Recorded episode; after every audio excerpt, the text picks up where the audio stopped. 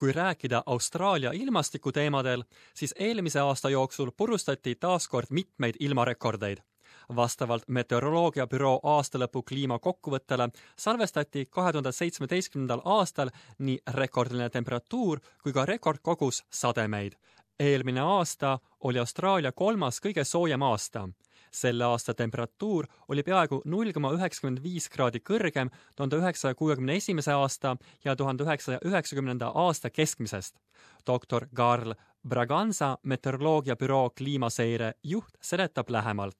This means that Australia has seen the five warmest year, years on record now, um, all since 2005. So the five warmest years have occurred in that time period ta ütleb, et Austraalia idarannikul salvestati enamik üle keskmise temperatuuridest ning samuti rekordiliselt kõrgeim temperatuur.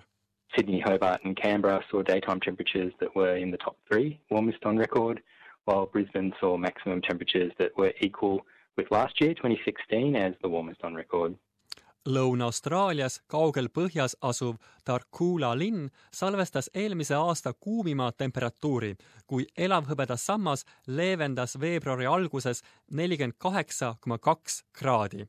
märts, juuli, august, oktoober ja detsember olid aasta kõige soojemad kuud, saavutades kohad kümne kõigi aegade kõige soojema kuu edetabelis.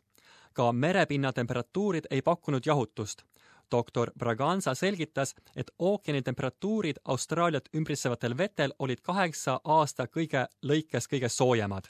The warmth was particularly notable around the eastern half of the continent, with cooler waters occurring only around that southwestern part of southwest or WA.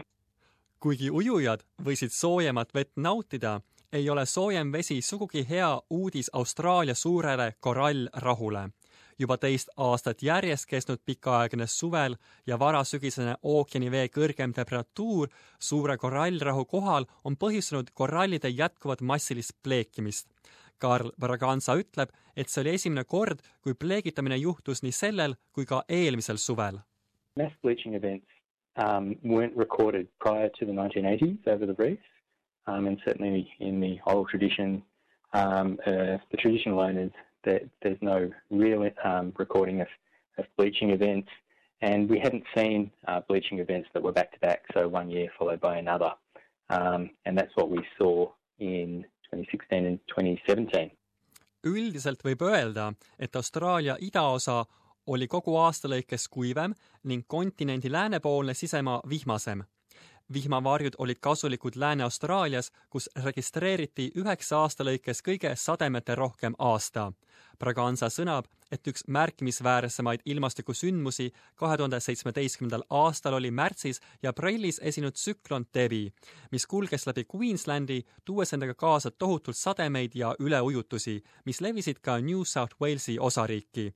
ta lisab, et ilmastikunähtusi esines ka teistes osariikides November saw a prolonged period of warmth for Victoria and Tasmania, and that was associated with slow moving high pressure systems and those very warm sea surface temperatures around the coast at that time.